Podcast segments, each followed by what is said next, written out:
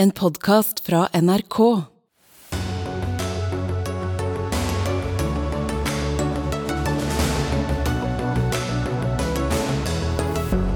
Akkurat nå gjør den amerikanske kongressen et eh, nytt forsøk på å velge en leder. Donald Trump oppfordrer republikanerne til å stemme på han som ikke fikk flertall i går. Det hele er pinlig, sier president Joe Biden. Kommentatorene karikerer SVs kommende leder, mener en kommentator. Kom karakteristikkene kommer ikke uten grunn, svarer en annen kommentator. En dommer i en ulvejaktsak ble tatt av saken pga. politisk ståsted. Det burde han ikke blitt, mener advokat Jon Christian Ellen. Og tyskere kunne gå inn i 2023 iført T-skjorte ved midnatt. Europa er rammet av varmebølge på den kaldeste tiden av året. Fenomen eller varig endring, spør Dagsnytt 18. Dette og mer til den nærmeste timen. Jeg heter Sigrid Solund. Ja, nå klokka 18 prøver Kongressen i USA igjen å få valgt en ny leder, eller speaker som det heter der. I går ble det gjort tre forsøk på å få valgt republikanernes kandidat Kevin McCarthy, men han fikk eh, ikke flertall pga. splittelse i eget parti. Tove Bjørgaas, USA-korrespondent og med oss eh, fra utenfor Kongressen. Får de valg en ny leder i dag, tror du? Ja, Det er ikke godt å si, fordi det har ikke skjedd så veldig mye siden i går, tror jeg. Og disse republikanerne de som stemte mot McCarthy, de sier at de skal holde på med dette så lenge de kan, for de vil ikke ha han som speaker, sier de. Men Donald Trump har altså kommet på banen, så det, noe av det mest spennende nå er altså om det kommer til å hjelpe. Ja, Hva kan det få å si, tror du? Donald Trump har altså lagt ut på dette sosiale mediet sitt Truth Social at er, eh, nå, nå, er det, nå, er det på, nå, er det, en tid for å feire for hans eh, tilhengere, og dermed altså velge Kevin McCarthy som leder i Representantenes hus, eh, feire seieren ved valget i, i, høst. Det som er testen nå, det er jo om de eh, rundt 15-20 eh, republikanere som stemte mot i går, om de faktisk vil fortsette å, å, stå imot, selv om at Trump sier dette. fordi det er litt usikkert hvor mye de eh, Altså hvor, hvor hvor mye de er opptatt av Trump. De er i første rekke opptatt av at de ønsker å uh, drain the swamp, som de sier. Altså tørke ut sumpen her i Washington. Være en annen type politiker og sørge for at det ikke bare er uh, politikerne, uh, vanlige politikere som styrer, men at de skal liksom kunne styre landet og bestemme hva man skal bruke offentlige penger til. Og helst at man ikke skal bruke så mye offentlige penger. Hvem vil de ha, da? Nå tror jeg jeg mistet dere, faktisk. Ja. Uh, skal vi se. Nå skal jeg prøve å ringe opp en gang til. Vet du hva, Tove? Jeg tror vi sier det sånn at vi takker av deg eh, nå. Du hører ikke hva jeg sier, men lytterne hører det jo. Med mindre vi får en telefon ute nettopp. Hører du meg nå, Tove? Ja. Yes. Ja. Du, eh, vi har ikke ja, beklager, dere falt rett og slett ut. Dette er veldig dramatisk her på direkten. Er det, hvem er det de vil ha, da, disse 15-20 uh, utbryterne? Nei, det, de, vil ha noen som står lenger til høyre. De vil ha mer av en rabulist, en opprører. De vil kanskje ha en som heter Jim Jordan, som de foreslo i går, men han sier at han ikke ønsker å være speaker. Eh, en som heter Andy Biggs har også blitt foreslått to ganger, men de får bare 15-20 stemmer. Så det er veldig lite sannsynlig at de kan foreslå noen andre som vil få et flertall her. Men man må altså ha et 218 stemmer for å bli leder i Kongressen. Og før du har en leder i Kongressen, så går det ikke an å starte noe som helst slags styring av landet. Man kan heller ikke ta de andre kongressmedlemmene i ed. Så det McCarthy visstnok håper på nå, det er at eh, han skal klare å overbevise disse opprørerne om å stemme blankt, altså ikke stemme på noen. For Hvis han klarer å få 213 eh, stemmer, like mange som demokratene har, så kan han likevel bli valgt. Men det er jo ikke noe ærefullt eh, å, å, å vinne på den måten. Du følger med, Tove. Takk skal du ha for at du var med hos oss i Dagsnytt 18. Og dersom det skjer noe i løpet av vår sendetid, så tar vi selvfølgelig med det siste.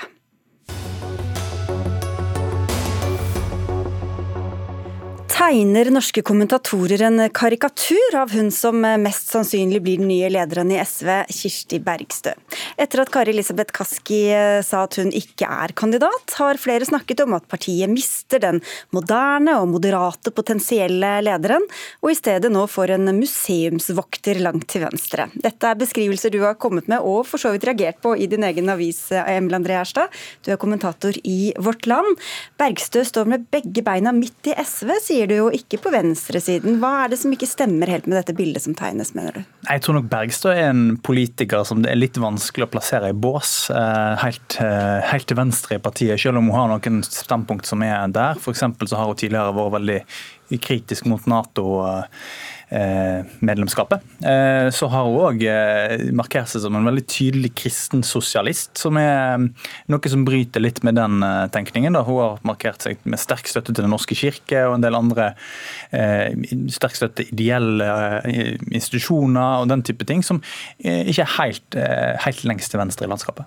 Og da jeg spurte hvem du kanskje reagerte på, så nevnte du han som nå skal få ordet. litt tilfeldig, men det var en av dem.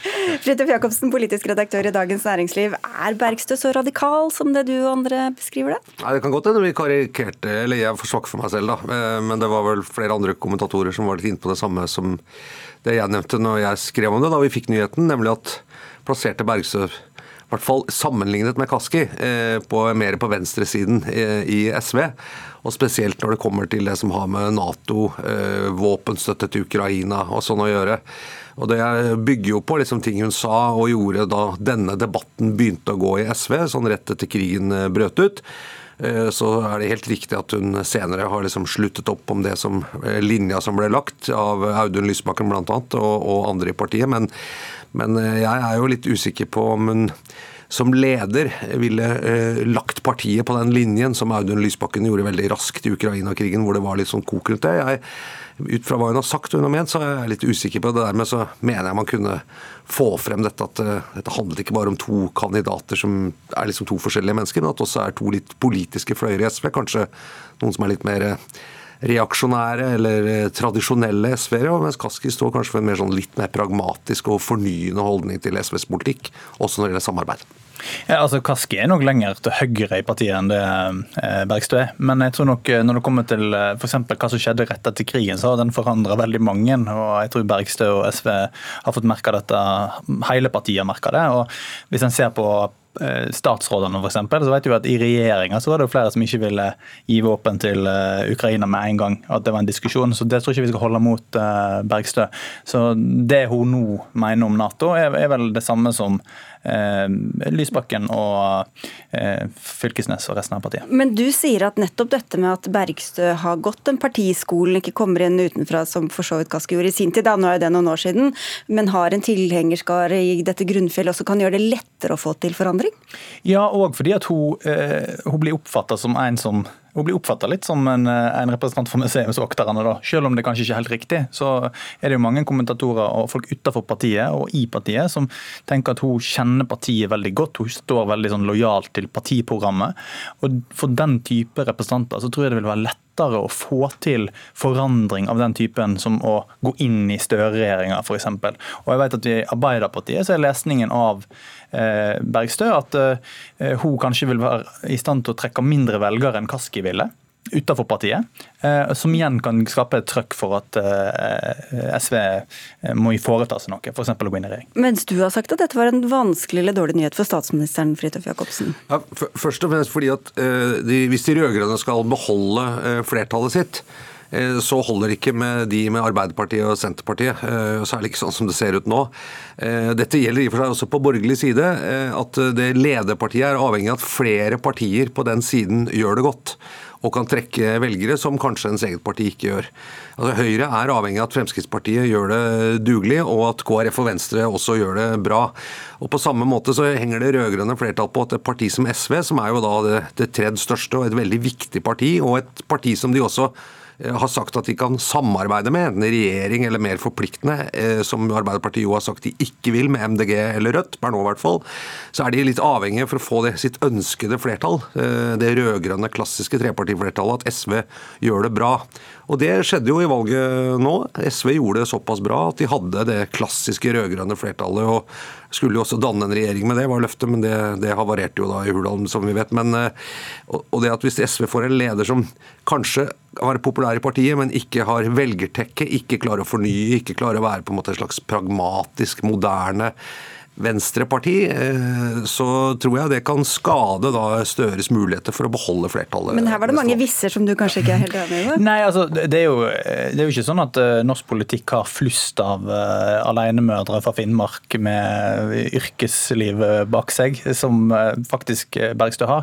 Så hun, hun, er en helt annen politikertype enn de fleste andre partilederne. Er... Tror du hun er mindre pragmatisk og samarbeidende, sånn som du beskriver det? Jeg tror nok hun, er, hun tenker at politikk er interessekamp, mye mer enn mange andre andre politikere som, som, sikkert kan ta på seg en rolle og kjempe for den, så tror jeg nok Bergestø er en politiker som tenker at politikk handler om å kjempe for interesser. og Det er jo veldig tydelig på at det handler om å få ned forskjeller og ja, klassiske SV-saker. da. Så Sånn sett så kan hun være mindre eh, pragmatisk, men at det ikke har velgertekke, det, det gjenstår å se. Men en ting til du skriver, Fridtjof Jacobsen, eh, nemlig at hvis SV hadde sittet i regjering, så kunne ikke partiet kommet utenom Kaski som partileder. Nå hadde vel ikke det endret hennes personlige situasjon, da, men eh, hvordan henger det sammen? Nei, ja, jeg, jeg, jeg tror hvis, hvis, da ikke dette hadde havarert i Hurdal, som fortsatt er litt sånn mystisk hva som skjedde der, og, og hvordan det ble sånn eh, Vi gleder oss alltid til memoarene kommer. Ja, ja. Eh, ser vel ut som at SV sin vurdering av det var at de, de valgene, de, de absoluttene de ble stilt overfor, var umulige å godta. og Dermed så ble de i praksis skjøvet ut som de valgte å gå selv. Men, men hadde man laget en rød-grønn flertallsregjering, så tror jeg at eh, da eh, måtte man valgt en partileder som hadde evnet på en måte å holde dette samarbeidet i gang. Og jeg tror det også ville vært lederskiftet ville vært litt enklere enn det er i dag, fordi det kanskje hadde vært mer snakk om liksom en stø kurs, og man hadde allerede inngått noen kompromisser og fått en del spørsmål som Nato og EØS og alle de tingene av bordet idet man gikk inn i den regjeringen. Og så må vi huske at Kaski var jo favoritt. Og, og, de som kjenner SV godt, sier at hun, hun, har jo, hvis det hadde vært en uravstemning, så hadde hun vunnet den. Og det kan godt hende hun også hadde vunnet dette på landsmøtet, men hun ville ikke ha den valgkampen som det lå opp til. Eh, så, så, egentlig så har jo hun, når hun trakk seg, så var nok hun den naturlige lederkandidaten som hvis hun hadde stilt, hadde vunnet. Og så er et eller annet som har skjedd der som jeg tror at Eh, ja, mange i SV i hvert fall er litt ulykkelige for. For de kanskje kan miste et veldig stort politisk talent. Og så kunne hun vært en god leder. Og så, så tror jeg kanskje også at det ville vært annerledes hvis de hadde sittet i regjeringa. Ja, altså, Bergstø er nok helt klar til å sette seg ned med Støre og Vedum for å forhandle en ny regjering eh, med SV. Det tror jeg hun står helt på den linja som Nå? Eh, det tror jeg som, som, eh, som resten av partiet sto for etter Hurdal òg. De var veldig tydelige på med blanke ark, så kan vi sette oss ned og, og forhandle om å gå inn i regjeringa. Så jeg tror nok ikke det at hun står i veien for det prinsipielt. Og så er det spørsmålet om hennes væremåte og, og politikertype er for rigid til å få til eh, de nødvendige gjennomslagene i en eh, forhandling. Vi får igjen en tid til å bli valgt først, i hvert fall. Så kan jeg jo nevne at hun takket nei til å være med i Dagsnytt 18, og hadde heller ingen kommentar til dere kommentatorene. Takk skal dere ha for at dere kom. Emil André Erstad fra Vårt Land og Fridtjof Jacobsen fra Dagens Næringsliv.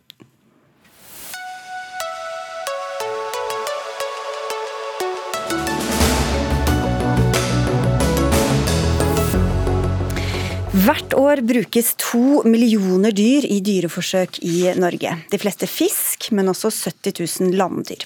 Norge står dermed for en femtedel av alle dyreforsøk i hele Europa. EU har vedtatt en nullvisjon, altså at det ikke skal foregå forsøk på dyr.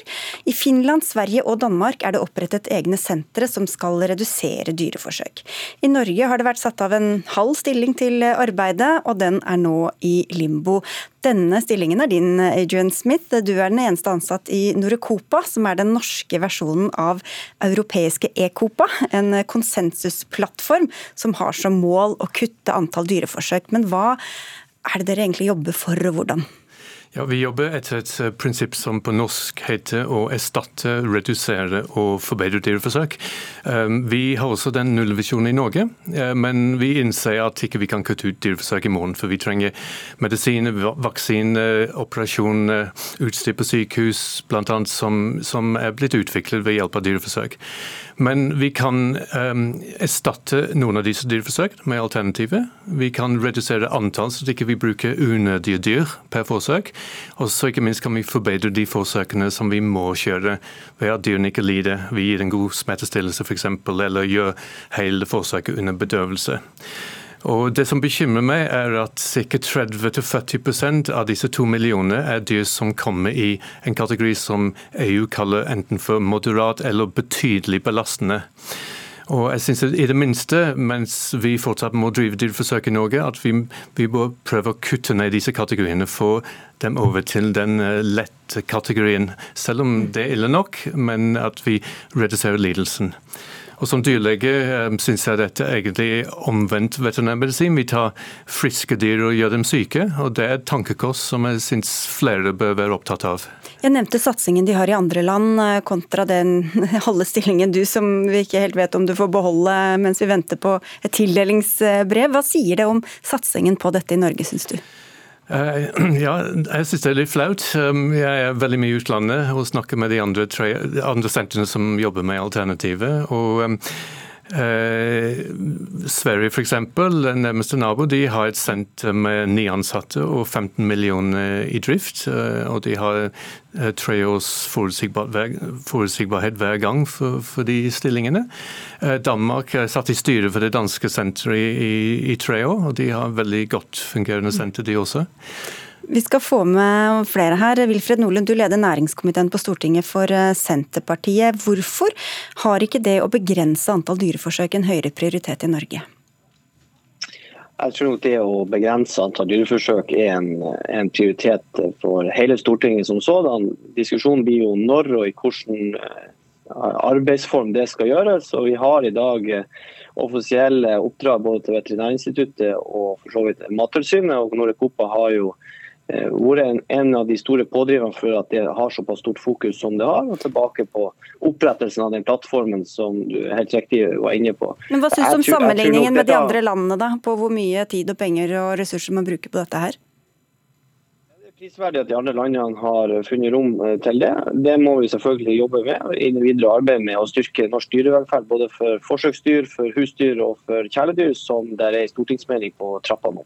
Det har altså vært en stor økning av bruken av både fisk og mus som forsøksdyr. Nå er vi oppe i to millioner forsøksdyr eh, årlig. Kristine Gismevik, du er fagansvarlig for fiskevelferd ved Veterinærinstituttet. Hvorfor mener du det er bruk for smitte smitt her og Norecopa i, i Norge?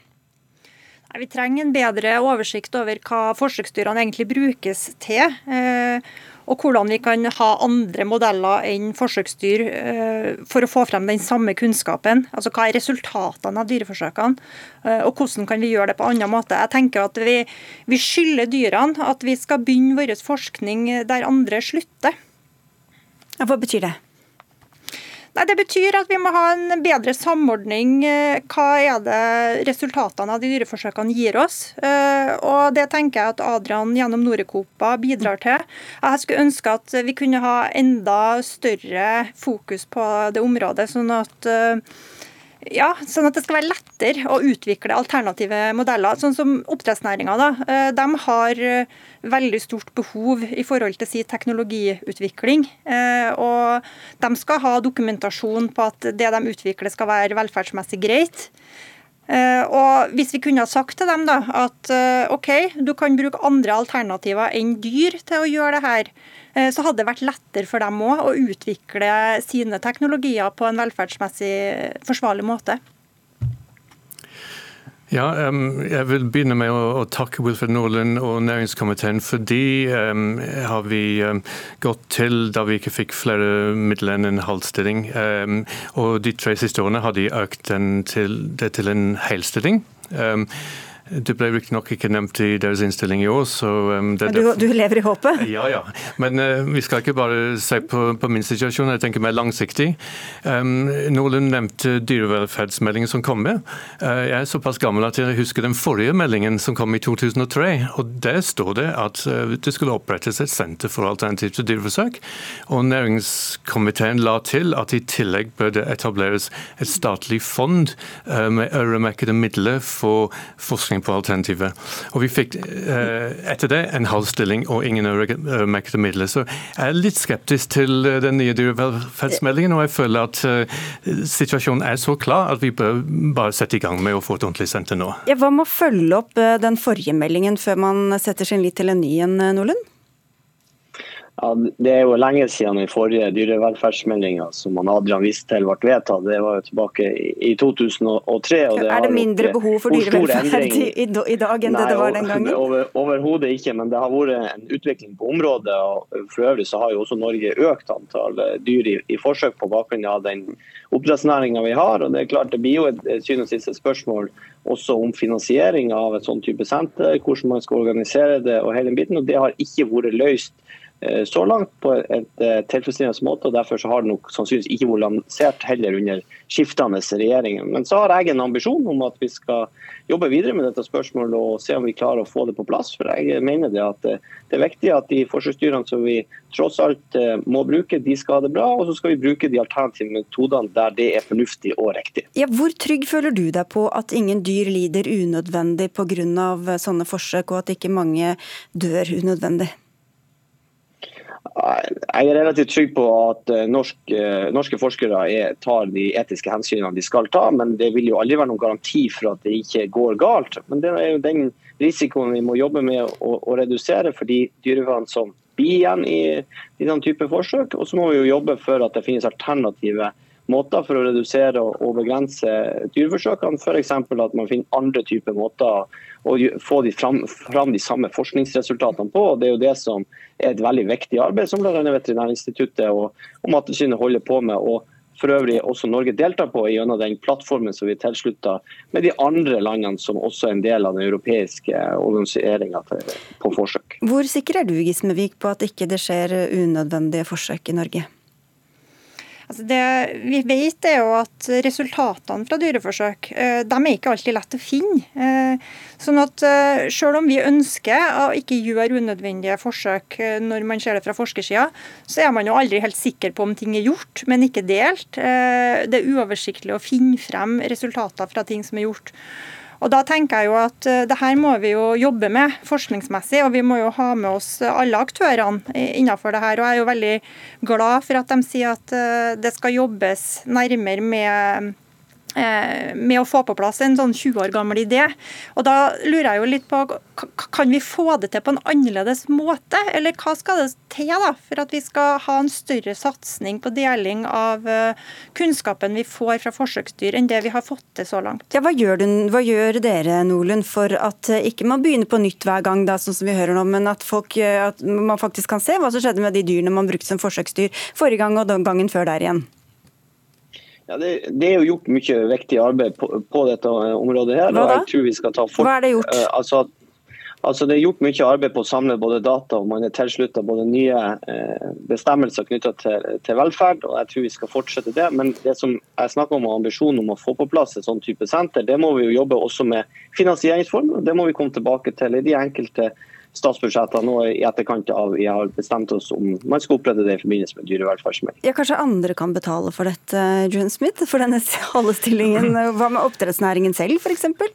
Ja, altså, hvis jeg kan først begynne med, med å gå tilbake til det Nordlund sa. Da vi fikk den forrige meldingen i 2003, da var det ni andre sentre rundt om i Europa. Nå er det 30.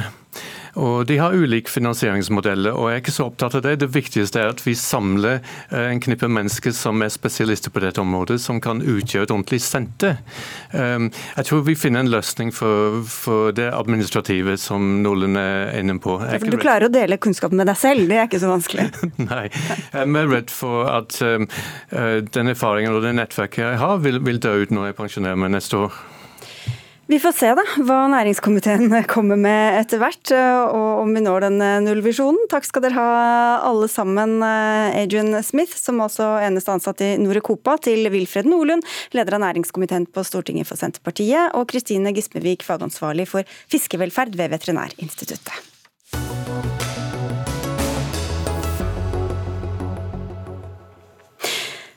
Som har våget seg utendørs i Øst- og Sør-Norge i dag, har måttet kave seg gjennom snø og vind og kulde.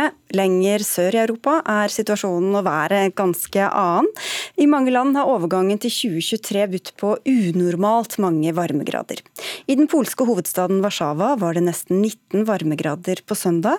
Bilbao i Spania hadde over 25 grader, noe som er over 10 grader mer enn normalen. Og så langt som Danmark er det også satt varmerekord. Det varme været får konsekvenser, bl.a. der du er reporter Morten Stenberg i Oberstdorf. Eh, dere dekker Tour de Ski i de tyske alpene. Hvordan preger mildværet det som skjer der? Jo, det er jo et varmt vær her. Da vi kom hit første nyttårsdag, så var det altså 18 grader i Oberstdorf. Dette er uh, tyskernes uh, vintersportsby nummer én. Og det er grønne skiløyper, og det er grønt og varmt og godt uh, her. Det minner overhodet ikke ikke om eh, vinter. For eh, her skal det gås på ski, her skal det kjøres alpint, men eh, akkurat nå så er det ikke mulig å gå et annet sted i Tyskland enn i denne trekilometeren som ble brukt i dagens Tour de Ski. Ja, hva gjør arrangørene og utøverne da?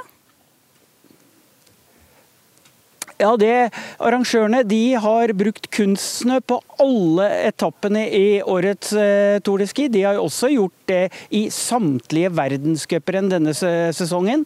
Vi er helt avhengig av villsnø, så arrangørene de har produsert masse snø, lagd tynne, skis, eh, tynne striper med snø, og løypene har vært stengt. Og utøverne har faktisk måttet varme opp på rulleski på asfalt. Så det er ganske alvorlig. Eh, det er lenge siden, eller det har aldri skjedd, at jeg har sett at det er så lite snø i Mellom-Europa.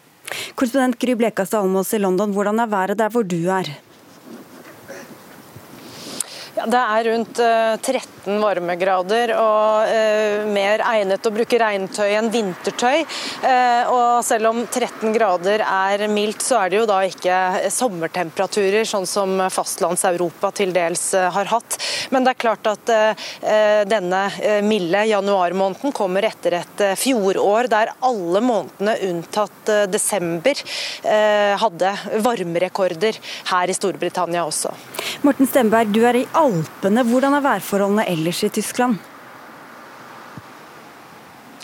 Nei, det er lite snø. Du må opp på over 2000 meter for å finne snø. Vi har kjørt over flere fjelloverganger den siste uken her, og det finnes ikke snø. Og, og der det er alpinbakker, det er flere hundre alpinanlegg som er stengt. Så alpinarrangører og de sliter veldig her.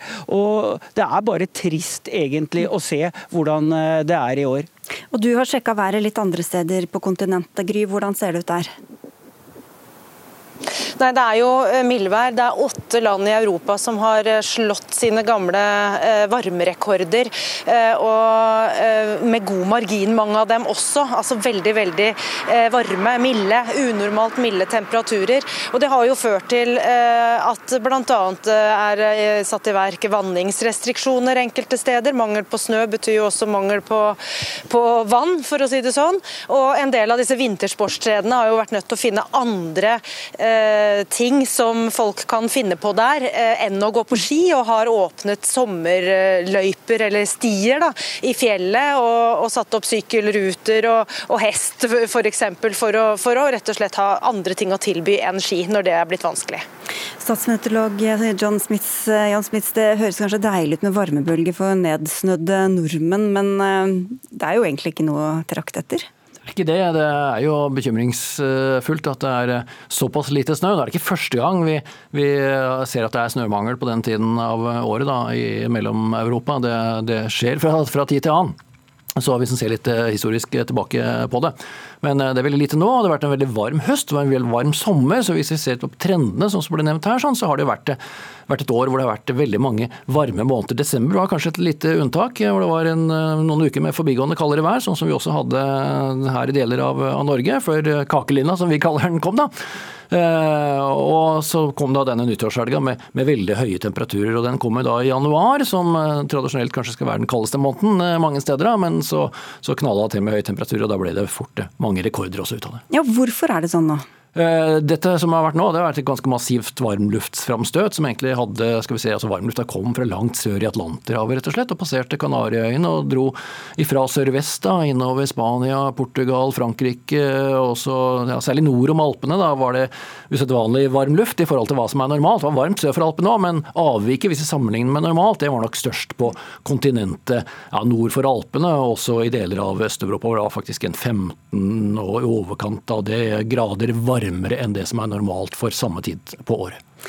Og så er det jo sånn at Været skifter jo selvfølgelig, men så er det jo disse rekordene som settes stadig oftere. da. Er dette sånn, sånn her type varme midt på vinteren noe vi kommer til å se mer av, tror du? Ja, det kan nok være det. Kanskje ikke så varmt eh, hver gang det kommer en sånn varmbølge, men vi ser jo det at det, det har vært ganske mange varmluftsframstøt uh, sørfra. da, altså Både fra Nord-Afrika og fra langt sør i Atlanterhavet de, de, siste årene. Virker som det kanskje har, har økt i, i, antall. På sommeren så blir det veldig varmt. Hadde det kommet seks måneder enten tidligere eller senere, så hadde vi jo kunnet se 40-tallet sikkert en del eh, steder igjen, da, sånn som vi gjorde i sommer. Når det kommer på vinteren, da blir det ekstra merkbart òg, fordi man er ikke vant til at det er så mange varmegrader på, på vinterstid på sommerstid så skal det være varmt, så da kanskje ikke man reagerer så mye på det som man gjør det på, på vinteren. Men absolutt noe som vi har sett mye av i det siste, og som vi sannsynligvis kommer til å se mer av framover. Og hvorfor er Norge holdt på å si, enten ikke unt eller forskånet for dette? denne varmen? Ja, det, vi er ikke forskånet, vi har litt flaks nå, eh, for å si det sånn. Vi hadde jo noen kalde uker eh, i desember. Så kom kakelina, og det var den varmlufta fra kontinentet som så vidt var oppe og lukta litt på den sørligste delen av landet, men så trakk det seg litt tilbake igjen. Eh, og så gikk grensa omtrent til Danmark, så i Danmark var vi oppe i 12,6 eh, pluss. Mens vi akkurat eh, lå på nordsiden og litt inn i den kalde lufta i nyttårshelga her på, i, i, Norge. Men nordover i Finland f.eks. så var det også veldig stort avvik. Det var kuldegrader, men ikke så veldig mange. Det skal fort være en 20-30 minus der. Når det bare er noen få, så er det et ganske stort avvik. Også varm luft som kom inn over deler av, av Nord-Norge, faktisk, da i perioden rundt nyttår. Og Hvor lenge tror du det varer? Eh, det ser ut som vi fortsatt nå skal få lavtrykk som eh, dirigerer ganske mild luft inn mot store deler av Europa, og deler av Norge også, i hvert fall eh, nå framover. Det går litt fram og tilbake. Det tar liksom en syklus på to-tre dager med hvert lavtrykk, så det kommer nå utover januar stadig nye varmluftsframstøt. Men kanskje ikke fullt så varmt som det var i nyttårshelga. Litt uvant med værmelding her i Dagsnytt 18, men tusen takk for at du kom, Jon Smith. Så takk til dere, Gry Blekastad Almås, og også reporter Morten Stenberg i Oberstdorf.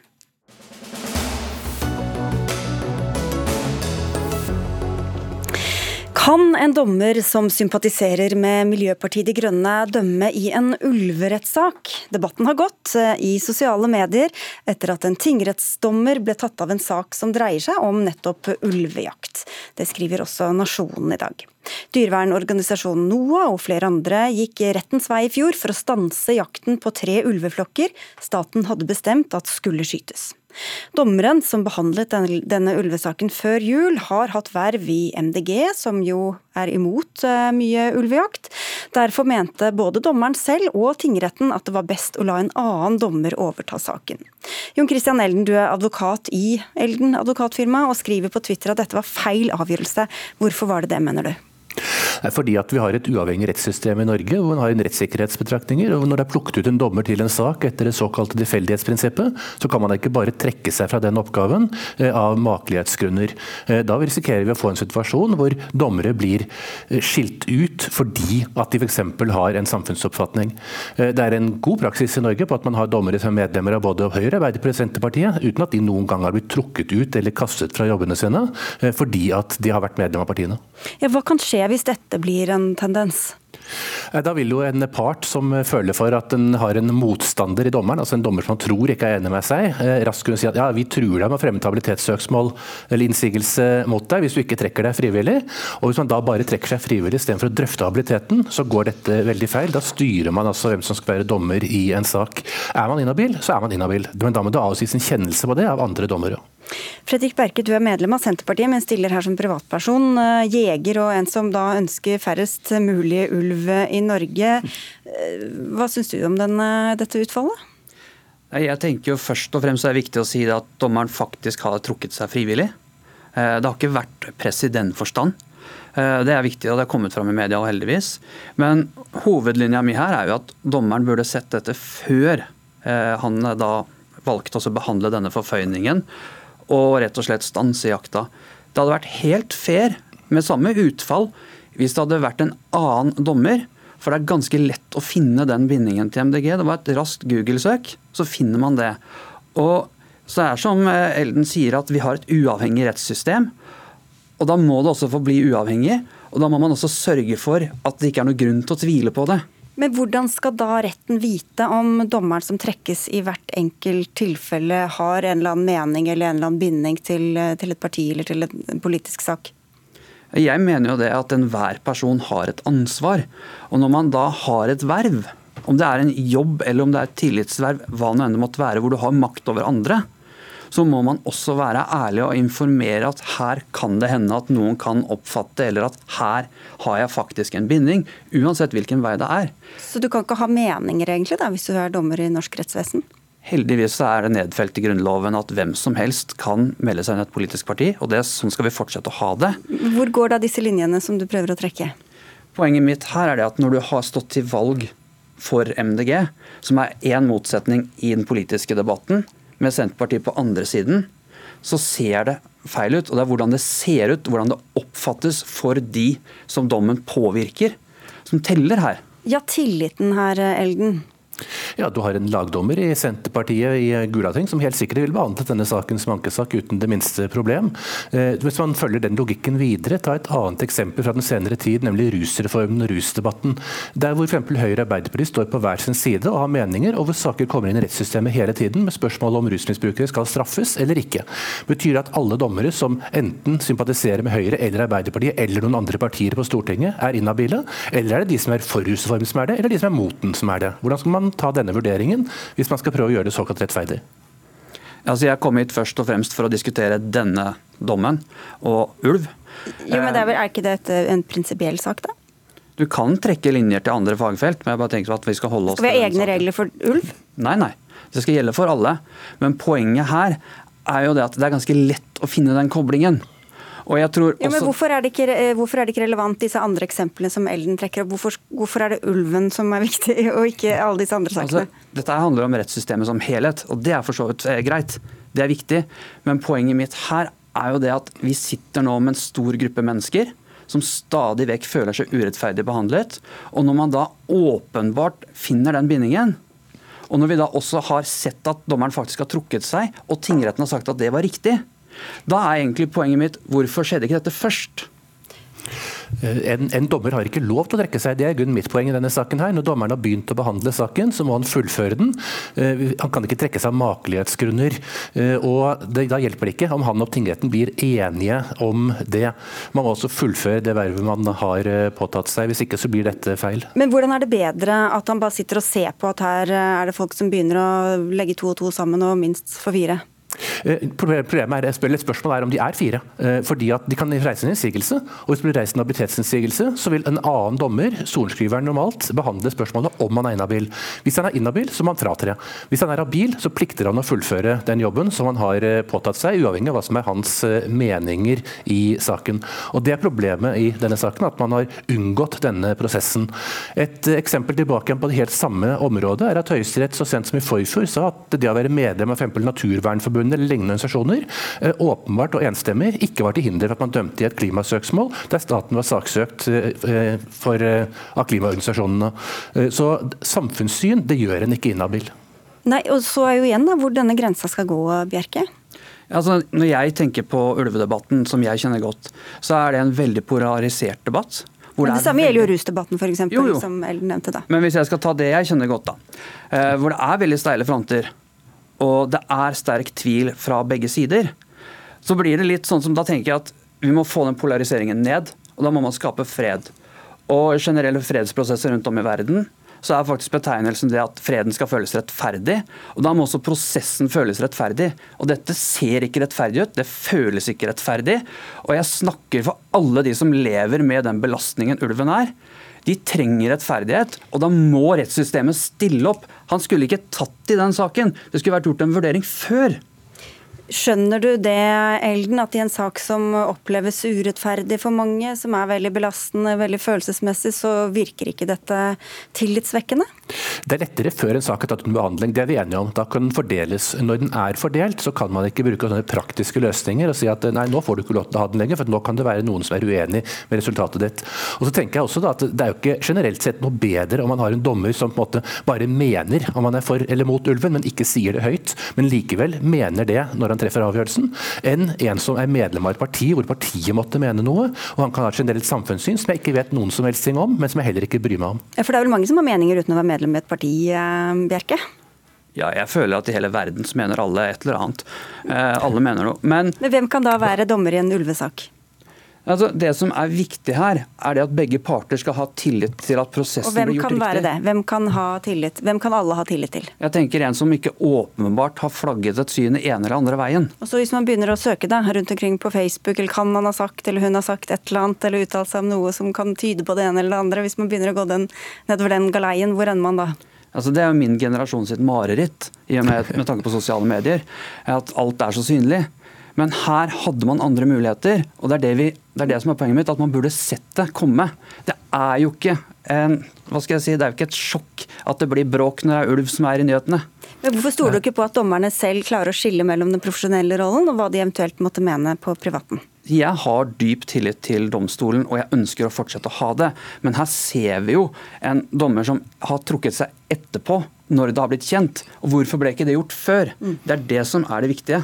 Burde han gjort det tidligere, Elden? Nei, Han burde ikke gjort det i det hele tatt. Det er jo akkurat andre veien som er situasjonen her. Eh, Min spådom, hvis det hadde fremmet en habilitetsinnsigelse her og behandlet på riktig måte, eh, så tror jeg sorenskriveren hadde kommet til at han ikke var inhabil, altså at han ville måtte fortsette å gjøre jobben sin.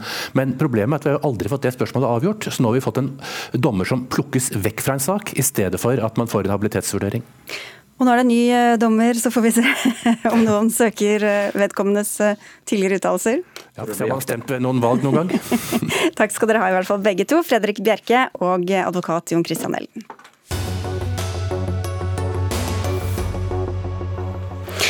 Norske kraftkommuner får to milliarder kroner mindre overført fra staten i år. Grunnen de høye strømprisene. Da er det rett og rimelig, mener de, at kraftkommunene gir noe av de ekstra inntektene tilbake til fellesskapet.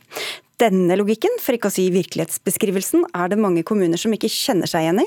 Deriblant den lille kraftkommunen Soktendal i Rogaland, hvor du er ordfører, Jonas Andersen Sayed fra KrF. Du sier at din kommune egentlig aldri burde bli rammet av dette. Hvorfor ikke? Jo, Det er den enkle grunnen at eh, ja, vi får litt konsesjonskraft i Sokndal, men eh, det volumet er likevel mindre enn det forbruket som vi har til å drifte kommunen. Oppvarming av rådhus, skole, barnehager, eldreomsorg og gatelysanlegg. Så dere tjener rett og slett ikke noe på denne kraften? Nei, og det er jo det som gjør denne saken så eh, spesiell, og som har gjort at jeg til og med sier at jeg er litt sint. eh, Fordi at det er så urimelig at en kommune som beviselig ikke tjener ei eneste krone på de høye strømutgiftene, nå må betale en, eh, en straffeskatt til staten på 5,8 millioner. Så egentlig utgjør nesten tre ganger så mye som jeg tjener på konsesjonskraften i et normalår. Hvorfor er dette rimelig, kommunal- og distriktsminister Sigbjørn Gjelsvik? Utgangspunktet er jo litt der du starta, at vi har jo eh, opplevd noen helt eh, ekstreme strømpriser i Norge med store konsekvenser både for eh, folk, bedrift og mange kommuner. Og Da mener vi at det er rett og rimelig at en del kommuner som sitter med ekstraordinært høye inntekter fra konsesjonskraft, og bidrar til, til fellesskapet. Jeg har full forståelse for at det er ulike kommuner som er i ulike situasjoner, men det at en, en har strømutgifter i en kommune, det er jo ikke noe som er ekstraordinært for Sokndal. Det er det mange kommuner som, som, har, og det er mange kommuner i Sør-Norge som verken er eierkommuner på, på kraft eller vertskommuner på, på, kraft. Så det, det handler om et trekk av noen av de ekstraordinære inntektene som en kommune har hatt over 70 øre kilowatten på konsesjonskraft. Og så gjør vi jo det tilsvarende òg for eierkommuner til kraftverk, gjennom det en har kalt såkalt høyprisbidrag, som òg går over 70 øre kilowatten. For andre kommuner som ikke er såkalte kraftkommuner, har jo de samme utgiftene, Sayed, uten å ha de inntektene? Ja, men Problemet her er jo at når denne kraftskattepakken ble lagt fram i slutten av september, så var regjeringen tydelig på at det var kommuner som hadde hatt ekstraordinære inntekter som skulle bidra i dette spleiselaget. Og Nå fikk vi jo fasiten på det bitte lille julaften hvordan regjeringen tenker. Og da at en rammer kommuner som Sokndal, som beviselig ikke er tjent ei krone, samtidig så at en i stor grad skjermer mange av de største kraftkommunene. Der vil en fortsatt se at det er kommuner som vil ha enorme overskudd etter dette rammetrekket. Samtidig som vi òg vet at det er kommuner andreplass i landet som ikke har betalt så mye strømutgifter som vi har i Sør-Norge. De blir jo òg helt skjerma for kutt. Så jeg mener det er egentlig mange ting i denne saken som som gjør at jeg stiller store spørsmålstegn med det skjønnet som er utvist av departementet i denne saken. Ja, hvordan regner dere egentlig på inntekter og utgifter her i Gjelsvik? Ja. Altså det vi har tatt utgangspunkt i, er jo eh, hva en realiserer av verdi på konsesjonskrafta per, eh, per kilowattime. Jo, altså hva, betyr, hva, betyr, det? Jo, men Det betyr at jeg hører at uh, ordføreren i Sokndal sier at ja, det er mange større konsesjonskraftkommuner, men det er jo òg fordi at det er noen kommuner som òg har hatt større utbygging utbygging av større naturinngrep. Men per kilowattime så sier vi det at ingen skal, eh, skal trekkes ifra de første 70 øra per kilowattime, som jo er tross alt en historisk ganske høy eh, strømpris i Norge. Men det som er over 70 øre per kilowattime, der blir det et ganske stort eh, trekk. Men en har altså et bunnfradrag på 70 øre. Men det betyr òg at en, en, del kommuner som har inngått avtaler som gjør det at de ikke får, får så høy strømpris pris. De har bundet opp enten avtaler med lokalt næringsliv eller innbyggere, eller har såkalte sikringsavtaler som kanskje gjør at de tjener mer sånn ordinært enn 30 øre kilowattimen, eller noe sånt, og da skal det heller ikke trekkes for det. Men er det sånn at dere behandler hver og en kommune for seg, og ser hva de faktisk tjener og hva slags utgifter de har osv.? Vi, vi ser på eh, hva en har i inntekter per eh, kilowattime som en selger. Eh, og så eh, har kommunene fått mulighet til å melde inn hvordan en har disponert eh, krafta. For da er det en del kommuner som selger krafta til spotpris i markedet, og tjener sånn sett i, i dag ganske høye inntekter på det. Mens det er en del som har avtaler som gjør det at en en har en veldig lav inntekt per kilowattime på konsesjonskrafta, og da mener vi at det er riktig at den ikke skal trekkes. Det er de ekstraordinært høye inntektene som skal omfordeles, bl.a. sånn at en kan bidra til å gi folk strømstøtte i Norge og andre viktige tiltak i ulike kommuner. Sayed. Ja, jeg er, jeg er, helt uenig i akkurat det. For, eh, for hva er konsesjonskraft? Jo, det er jo strøm. Og for en kommune som Sokndal, eh, så vil vi Eh, når vi kjøper den strømmen fra kraftverkseier, så kunne vi teoretisk sett brukt den fysiske krafta i egen drift. Men fordi at vi har et omtrentlig balanse mellom eh, forbruk og konsesjonskraft, så selger vi det på spotmarkedet, samtidig som vi kjøper strøm på spotmarkedet. Så det har i alle år fungert som en prissikring for oss. Men det regjeringen gjør nå, det er jo at en, en sier at uh, kast dere ut i usikkerheten. og En kan kanskje tenke at 5,8 millioner det er ikke så mye i den store sammenhengen. Men for en liten kommune så er det veldig mye penger. Og hvis en skulle regnet om det samme i antall i kroner per innbygger, så ville det vært en en sum på 1,2 milliarder for Oslo kommune f.eks. Så dette vil eh, helt åpenbart ha konsekvenser for vår økonomi. Ja, Hva sier de andre ordførerne du har eh, snakket med om dette, da?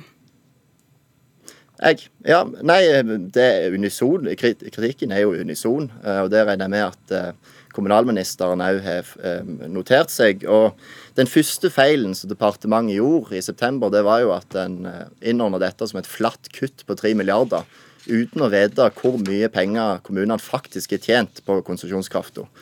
Eh, for det som kommunalministeren har eh, sett når de har gått gjennom alle disse rapportene, er jo at mange av de største kraftkommunene de har en eller annen form for prissikring. Eh, men når en er satt da et flatt kutt på 3 milliarder, så når vi ser fasiten nå på fordelingen, så virker det som at en har saldert mye av den skjerminga til de store kraftkommunene med kommuner som Sokndal, som beviselig ikke har tjent ei eneste krone på de høye strømprisene. Men vi har aldri satt et eh, flatt eh, kutt på 3 milliarder. Det vi har budsjettert med er 3 milliarder, og så sa vi tydelig i budsjettet at vi gir kommunene mulighet til å rapportere inn hvordan de har disponert krafta, og så skal vi gjøre fordeling ut ifra det. Og Da har vi lagt det samme prinsippet til grunn som en har gjort overfor eierkommuner på kraft. og De eierkommunene får jo for øvrig et trekk både i 2022 og 2023. Disse her vertskommunene på kraft får det kun ett år. Eh, og så er det det høyprisbidraget som en har overfor kraft selskaper slår inn på inntekter over 70 øre per kWt. Tilsvarende òg på på vertskommunene gjennom konsesjonskraft. Og så er En litt ulik modell for hvordan en trekker det inn, men prinsippet er det samme. Det er når du selger og realiserer inntekter på en stor stor inntekt per kilowattime, at det er òg et grunnlag for, for, trekk. Og Det betyr at det er en del kommuner som da slipper unna, fordi at de har ikke særlig høyere inntekter enn ordinært, mens det er de som har ekstraordinært høye inntekter som, som da blir rammet av det. Og så, så har både Sokndal og andre kommuner i Sør-Norge strømutgifter, men der har vi altså andre system i Norge for å ivareta kommunene når det gjelder de kostnadene som de har. Jeg skjønner at det er mange kommuner som har utfordrende bilde i forhold til både strømkostnader og andre kostnader i dag, men det må vi håndtere på en annen måte enn gjennom den ordninga her. For dere har jo tjent mer penger, Sayed? Nei, det er jo det vi beviselig ikke har. Men Har, har dere rapportert, har dere rapportert inn, da? sånn som Ja, vi, vi, har rapportert. Jeg var jo bekymra for dette med en gang regjeringen la fram dette i, i, september, og det som står i statsbudsjettet. Men én ting er jo hvis du ser isolert sett på inntekten i et budsjett, men det blir jo helt feil. Altså 5,8 millioner for oss. Dette kuttet ene og alene gjør at vi styrer mot et ganske solid underskudd neste år. Vi har effektivisert i alle enheter. Vi har økt eiendomsskatten for å finansiere dette kuttet. Og på toppen av dette så skal vi da altså betale en sånn straffeskatt til staten. Så det, det gir jo ikke mening, det. Du har sagt at kommuner som har spørsmål kan ta kontakt. Hva har de å tjene på det, Gjelsvik? Jo, men det er jo hvis det er enten slik sånn som noen kommuner har vist det, at de har forsøkt å rapportere inn og så har ikke kommet inn til departementet, eller hvis jeg mener at vi har behandla de opplysningene som de har kommet med, ikke forstått eller gjort det på en, på en, feil måte, så ønsker vi å ha en dialog med kommunene om det. Så er det riktig som ordføreren i Sokndal sier at det her hadde kommet mange synspunkter fra ulike kommuner, men det er jo ikke sånn at de synspunktene går i samme retning. Jeg har snakka med mange av andre kommuner i Rogaland òg, som er mye større på konsesjonskraft enn det som Sokndal er, som mener at ja, men nå har vi fått et så stort trekk i kroner for at vi er store på konsesjonskraft. Den burde vært delt mer utover på en del andre mindre kommuner. så at her er det et ulikt bilde.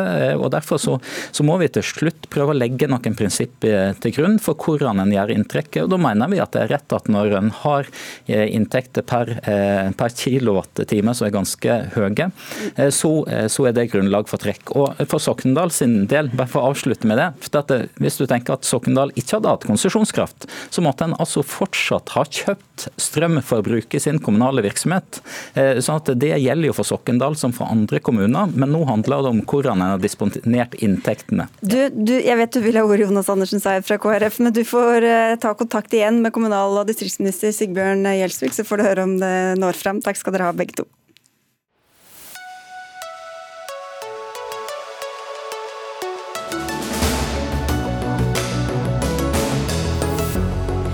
Studentene er misfornøyde, ikke med sin egen statsråd denne gang, men med sin egen velferdsorganisasjon Samskipnadene. Det var vanskelig ord. Samskipnadene. Åtte student som, som, jeg klarer ikke det, jeg hopper bare over det, har hatt en ulovlig depositumpraksis når de har leid ut studentboliger, og må nå betale tilbake minst 160 millioner kroner, skriver avisa Krono. Men de må også egentlig betale høye forsinkelsesrenter til studentene hvis de selv tar kontakt. Maika Marie Godal Dam, du er leder av Norsk studentorganisasjon. og Det er vel dette siste momentet som skaper litt hodebry. Hvordan synes du Samskipnaden nå klarte jeg det, har håndtert denne saken? Ja, først vil jeg si at Det vi reagerer aller mest på, er jo at samskipnadene selv ikke har satt seg i førersetet og tatt kontroll over denne saken. De har heller valgt å gå ut med en respons der de har sagt at dette vil ramme de generelle velferdstjenestene til studentene. Og Det syns vi at virker litt som at de ikke ønsker at studentene faktisk skal be om å få de pengene de har rett til. Det sender helt feil signal, mener vi. Det er ikke studentene som skal ha dårlig samvittighet for å be om penger de har rett på. Så overrasker det meg også at samskipnadene ikke føler et større ansvar for å tilbakebetale så store summer penger til studentene. De er vår egen velferdsorganisasjon, og de er til og for studentene. Så vi forventer at de utbetaler full sum, og at det ikke går på bekostning av de generelle velferdstjenestene til studentene. Her var det jo to poenger, Audhild Kvam. Du er styreleder for Samskipnadsrådet og administrerende direktør for Studentsamskipnaden i Gjøvik, Ålesund og Trondheim. Bare for å ta det ene først, da. Hvorfor går dere ikke mer aktivt ut for å sørge for at alle studentene som har krav på det, skal få disse pengene fra disse strafferentene?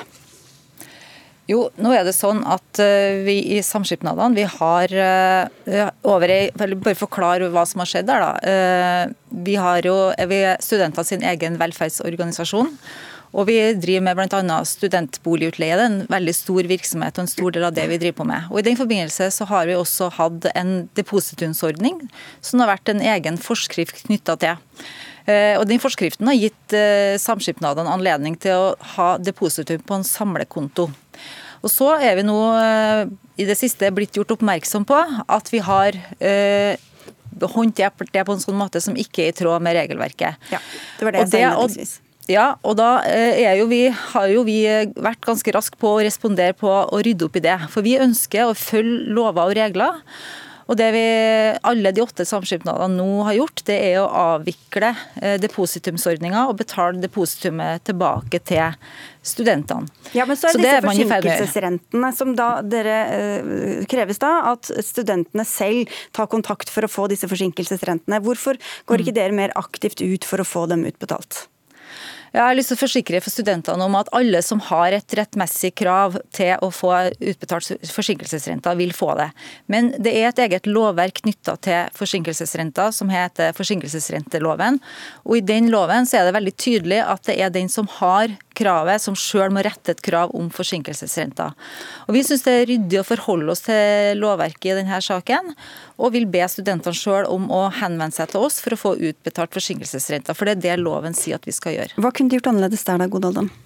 Det er vanskelig for meg å si noe om hva de kunne gjort annerledes. Nå er det dessverre sånn eh, at eh, samskipnadene er ikke underlagt eh, offentlighetsloven. Så vi har ikke innsyn i deres budsjetter eller deres økonomiske situasjon. Jeg har full tiltro til at styrene og de som jobber i samskipnadene finner gode løsninger. Det som har vært viktig for oss, er at det ikke skal ramme velferdstjenestene. Så må jeg si at det blir sagt her at i det siste er det blitt Eh, gjort klar over. Dette var første gang oppe i Stortinget 5.9. Så vi mener jo at samskipnadene har hatt mulighet til å budsjettere for at alle disse pengene også blir eh, betalt til studentene. Ja, fordi Dette mm. som nå er, er, sitert et par ganger, det er jo noe du har sagt Audelkvam, til Krono, nemlig at den store konsekvensen er at det går av de samme pengene som vi skal bruke til studentvelferd. Hvordan skal studentene tolke det annerledes enn at hvis de krever sine penger, ja da er det andre som får det dårligere, som ikke får velferd? Velferdstilbud. Ja, jeg forstår at det kan eh, tolkes på den måten der. og Det er jo riktig at de pengene her de eh, tas av altså velferdsmidlene som samskipnadene har. Jeg vet at alle samskipnadene gjør alt det de kan for at dette ikke skal gå på bekostning av dagens tilbud av velferdstjenester, og heller ikke økte priser. Og For å ta egen samskipnad eh, sitt, da, så kommer vi ikke til å øke prisene. Vi kommer heller ikke til å kutte velferdstilbud. Men det er klart at det vil ha en konsekvens kanskje på lengre sikt i forhold til utvikling av tilbudet. For oss så, er, så betyr det her 10 millioner vi, hvis alle retter dette kravet. Og i eh, forbindelse med at, også i sammenligning med at vi har en omsetning på 600-700 millioner kroner, så er det klart at det her vil ikke gå veldig mye utover velferdstilbudet. Men det likevel er det jo en viss sum man har til rådighet, og hvorfor skal man ikke si det? Hvis det, da, det er bare logisk, det. Hvis det, pengene går et sted, så går det ikke et annet sted, eh, da? Jeg tenker at dette er en veldig enkel sak. Altså, dette handler om at samskipnadene har gjort en feil, og nå har studentene krav på å få utbetalt noen penger. Eh, Istedenfor å gjøre det lettest mulig for studentene å faktisk få utbetalt de pengene de har rett til, så har samskipnaden valgt å gå ut og bruke en retorikk som skal spille på dårlig samvittighet, og at studentene skal ha dårlig samvittighet eh, for å be om de pengene man faktisk har rett på. Det syns vi dessverre ikke fremstår som eh, en organisasjon som er studentenes tross alt egne velferdsorganisasjon. Hvem? Ja, det er, jeg er helt enig i at det er det, er, det er det, vi er. Vi er studentene sin egen velferdsorganisasjon. Og selvfølgelig skal studentene få de pengene de rettmessig har, har krav på. Men lovverket er sånn at det, det, er, en, det er, den som sjøl har kravet, som må rette kravet til samskipnaden. Og vi vil forholde oss til den loven. Men Har dere sendt ut brev f.eks. sier du kan ha krav på penger? Her søker du? Der har samskipnadene gjort det litt ulikt. Eh, jeg vet at nå er, det, eh, nå er det lagt ut på flere samskipnader sin nettsider hvordan man skal forholde seg til det her. Hvordan man skal gå frem. Og jeg vet også at eh, man kan selvfølgelig ringe til sin egen samskipnad og få veiledning om hvordan man kan rette et krav om forsinkelsesrente. Så det her skal være enkelt å gjøre for studentene. Vi tror jo at hvis situasjonen hadde, altså hvis situasjonen hadde vært andre veien rundt, hvis det var studentene som skyldte samskipnadene flere millioner kroner, så hadde samskipnaden gjort alt de kunne for å sørge for at de fikk inn disse pengene. Så dette handler jo om prioritering. Og det er en prioritering vi mener at samskipnadene bør være mye hardere på for å sikre at studentene får pengene de har rett på. Da sier vi takk til dere begge, Maika Godaldam og Audhild Kvam, for det var det vi rakk i dagens eh, Dagsnytt 18, eh, som nå er over. Det var Gro Arneberg som hadde ansvaret for innholdet i den. Frode Thorshaug hadde det tekniske ansvaret. Mitt navn er Sigrid Solund, og vi ses og høres igjen i morgen.